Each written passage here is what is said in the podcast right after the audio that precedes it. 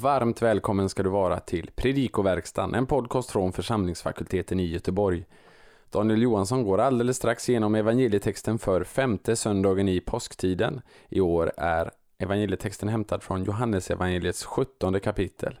Men innan det så vill jag informera dig eller kanske någon du känner som är mellan 16 och 30 år om möjligheten att delta på församlingsfakultetens bibelskola för unga den 3-5 augusti i år. Temat detta året är Det ord som jag har talat till er är ande och liv. Det är undervisning under tre förmiddagar som svarar på frågor om relationen mellan Jesus och Bibeln. FFG vill hjälpa unga vuxna att rusta sig med kunskap kring denna för vår tro helt grundläggande tematik. De som undervisar på årets Eh, ungdomsbibelskola är Torbjörn Johansson och Daniel Johansson. På vår hemsida www.ffg.se så kan du hitta information om detta och hur du anmäler dig. Du kan också hitta information om hur du kan stödja fakultetens arbete. Om det är så att du uppskattar den här podden och har känt att du har haft hjälp och glädje av eh, det arbete som vi gör genom denna så är det möjligt att stödja den genom att Eh, skänka en gåva för det fortsatta arbetet. Men nu lämnar jag över ordet till Daniel. Vi önskar dig god lyssning. Tredje årgångens evangelium för femte söndagen i påsktiden kommer från Johannes 17, 9-17 och utgör mittdelen i Jesu översteprästliga förbön, avslutningen på Jesu avskedstal till sina lärjungar. Textavsnittet precis innan, verserna 1-8, utgör för övrigt evangelieläsning för Kristi himmelfärdsdag i år. Vi inleder med att se på grundtexten. Vers 9. Verbet erotao, fråga, be, är ett verb som används om Jesu egen bön i Johannes evangeliet, medan verbet aiteo brukar användas om lärjungarnas bön. Den här distinktionen är tydlig i till exempel 16.26. Vers 11. Det andra av de tre kaj som finns där. Det andra av dem är adversativt och måste översättas men. Men de är kvar i världen. Pater Hagie, helige fader, står i vokativ. Uttrycket som kombinerar den gudomliga egenskap som uttrycker Guds upphöjdhet, åtskildhet och majestät eh, med det uttryck som är karaktäristiskt för Jesu förhållande till Gud. Eh, detta uttryck det saknar parallell i Bibeln. Gud tilltalas visserligen som helig i en del judiska böner. Belägg finns i till exempel Andra Makkabeboken 1436 och Tredje Makkabeboken 2.2. Men kombinationen helige fader är alltså unikt. Uttrycket eh, får dock snabbt en plats i den kristna liturgin. Se till exempel i Didache 10.2. Bibel 2000 och folkbibeln skiljer sig i hur man översätter det som sedan följer på helige fader. Bibel 2000 Bevara dem i ditt namn, det som du har givit mig. Folkbibeln Bevara i ditt namn dem som du har givit mig. Orsaken till denna översättningsskillnad är att man använder sig av olika läsarter. Bibel 2000 följer Nestlalan 27 som trycker relativpronomenet H, dativ singularis neutrum, och som syftar tillbaka till namnet. Medan folkbibeln följer en texttradition där relativpronomenet står i ackusativ pluralis maskulinum och syftar tillbaka på dem, det vill säga lärjungarna. Förutom att dativ singularis är bättre belagt i tidigare handskrifter så kan också pluralis ackus, eh, ackusativ-varianten förklaras som en harmoniering eh, till vers 2, 6 och 9 som talar om att lärjungarna av Gud givits till Jesus. Folkbibeln 2015 har här korrigerat och översätter Bevara dem i ditt namn som du har givit mig. Samma sak gäller när konstruktionen återkommer i vers 12. Prepositionsuttrycket en to onomatiso i samma vers kan tas dels instrumentellt i betydelsen genom ditt namn och dels lokalt i ditt namn. De flesta översättare och kommentatorer tar det i den senare betydelsen och argumenterar för att betydelsen är något i stil med Bevara dem i trofasthet till det jag uppenbarat om dig. Men eh, varför välja? Det är fullt möjligt att båda aspekterna avses. Även om inte det går att återge i en svensk översättning. Hinna å sin hen betyder för att det må vara ett. Innebörden är alltså att de ska förbli vad de redan är, inte att de ska bli något som de ännu inte är. I vers 12 möter vi två verb med betydelsen bevara, tereo och fylasso. Även om fylasso ofta har en starkare innebörd än tereo tycks de i Johannes evangeliet vara synonyma. Det är för övrigt karaktäristiskt för Johannes att han trots sitt relativt lilla ordförråd har en stor förkärlek för synonymer. Hoios tes apoleias är en hebraism i vilken genitiven är tvetydig. Ehm, det kan avse en persons karaktär eller en persons bestämmelse. Samma uttryck används för övrigt om Antikrist i Andra Thessalonikerbrevet 2.3. Men de här två ställena är de enda i hela Bibeln där det dyker upp. Notera också ordleken i satsen apoleto eime hohios tes apoleias. Vilket framträder i Bibel 2000s översättning. Vi går till vers 15. Frasen ek to ponero är tvetydig på samma sätt som motsvarande fras i bönen Fader vår. Antingen avses det onda eller den onde.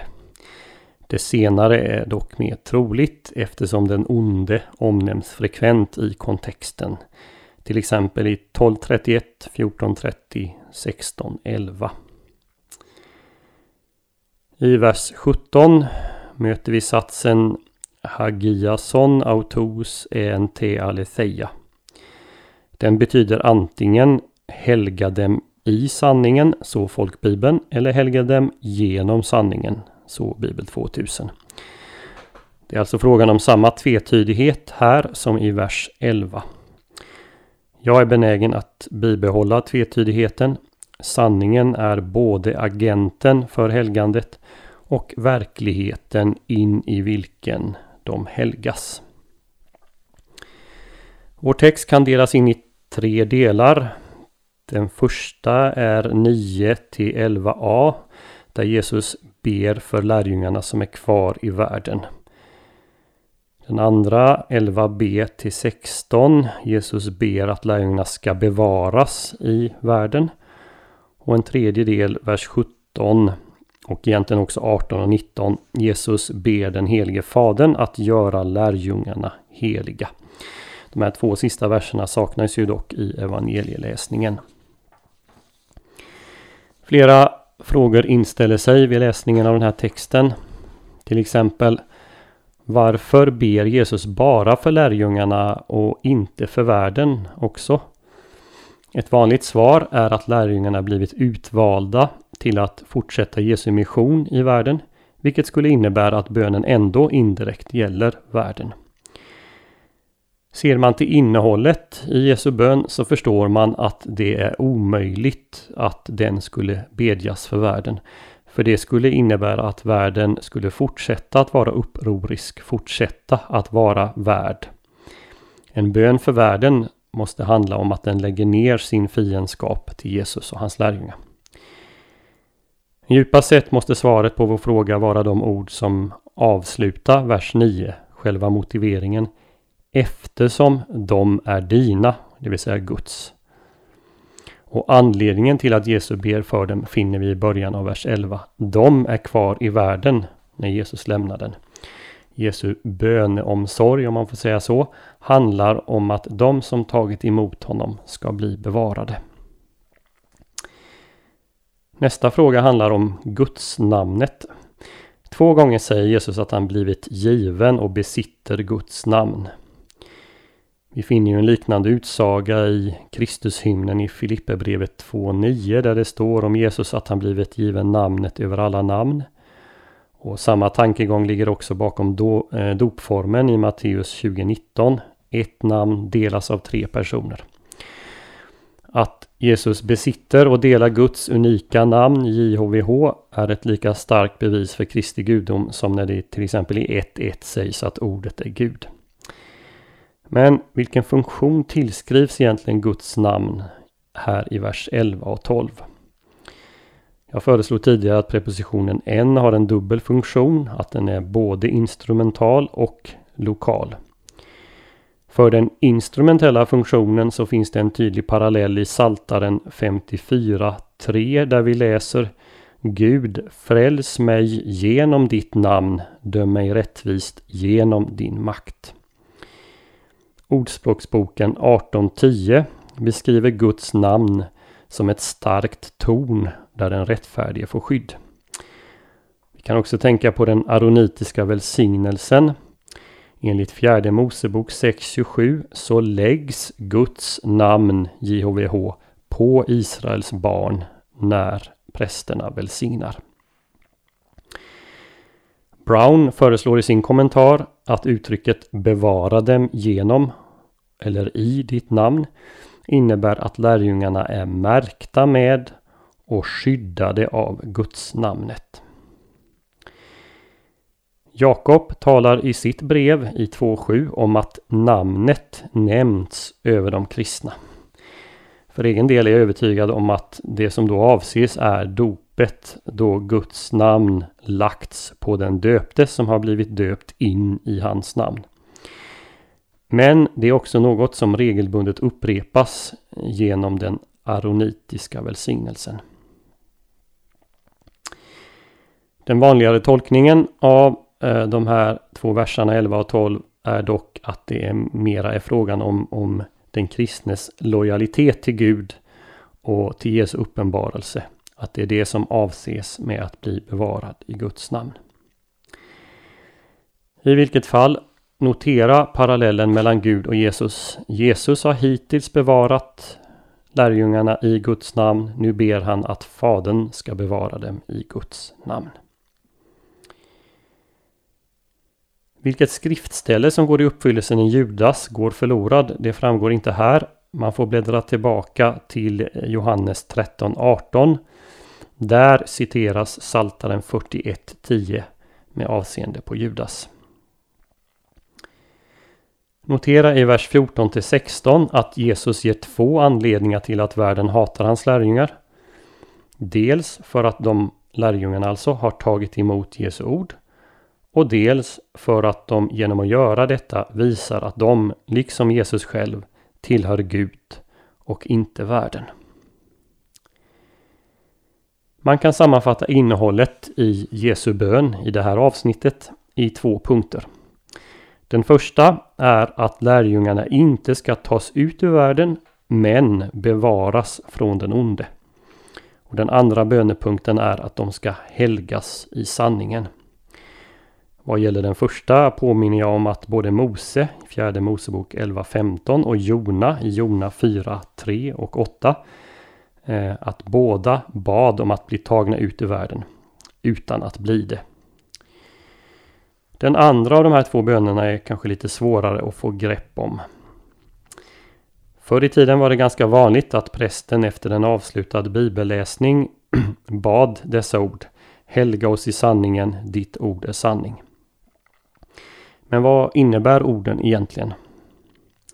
Först kan vi notera att en exakt parallell till satsen Ditt ord är sanning finns i Septuaginta-översättningen av Saltaren 119 142. Ehm, den hebreiska texten har däremot Din lag är sanning. Notera också hur bönen här i vers 17 återknyter till inledningen på det här böneavsnittet där Jesus tilltalar sin fader Helige Fader. Det är alltså frågan om samma ordgrupp, helig, helga. Grundbetydelsen för verbet är att åtskilja, att göra helig. I Gamla Testamentet används verben för den nödvändiga förberedelsen för att komma i Guds närhet såsom i Andra Mosebok 19.10. Eller för att utföra en prästerlig tjänst, uppgift i Guds hus, Andra Mosebok 28.41. Eller en profettjänst, Jeremia 1.5. För det andra så kan man konstatera att hela Guds folk är helgat genom att det har skilts från andra folk. Andra Mosebok 19.6. Och för det tredje är Guds folk kallat att vara heligt så som Gud själv är helig. Tredje Mosebok 11.44. De här tre nyanserna finns nog alla med i bakgrunden till Jesu bön.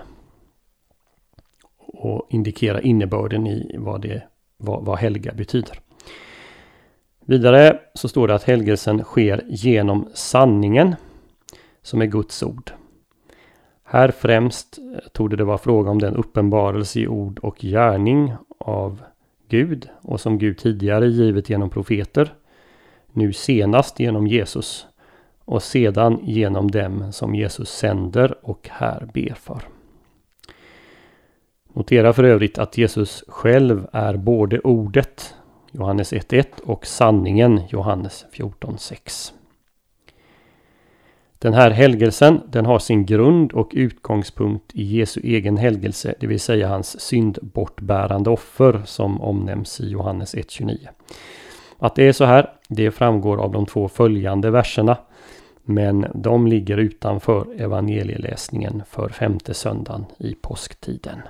Vi hoppas att denna genomgång får bli till hjälp och välsignelse för dig som har lyssnat. På vår hemsida www.ffg.se kan du hitta information om hur du kan stödja fakultetens arbete, som till exempel den här podcasten. Ett sätt att stödja är att skänka en gåva genom Swish. Församlingsfakultetens Swish-nummer är 123 100 84 57. Alltså 123 100 84 57. Mottagaren som anges är Peter Isak Bens utbildningsstiftelse. Märk gärna gåvan FFG Podcast om du vill stötta just denna podden. Så önskar vi allt gott och Guds välsignelse.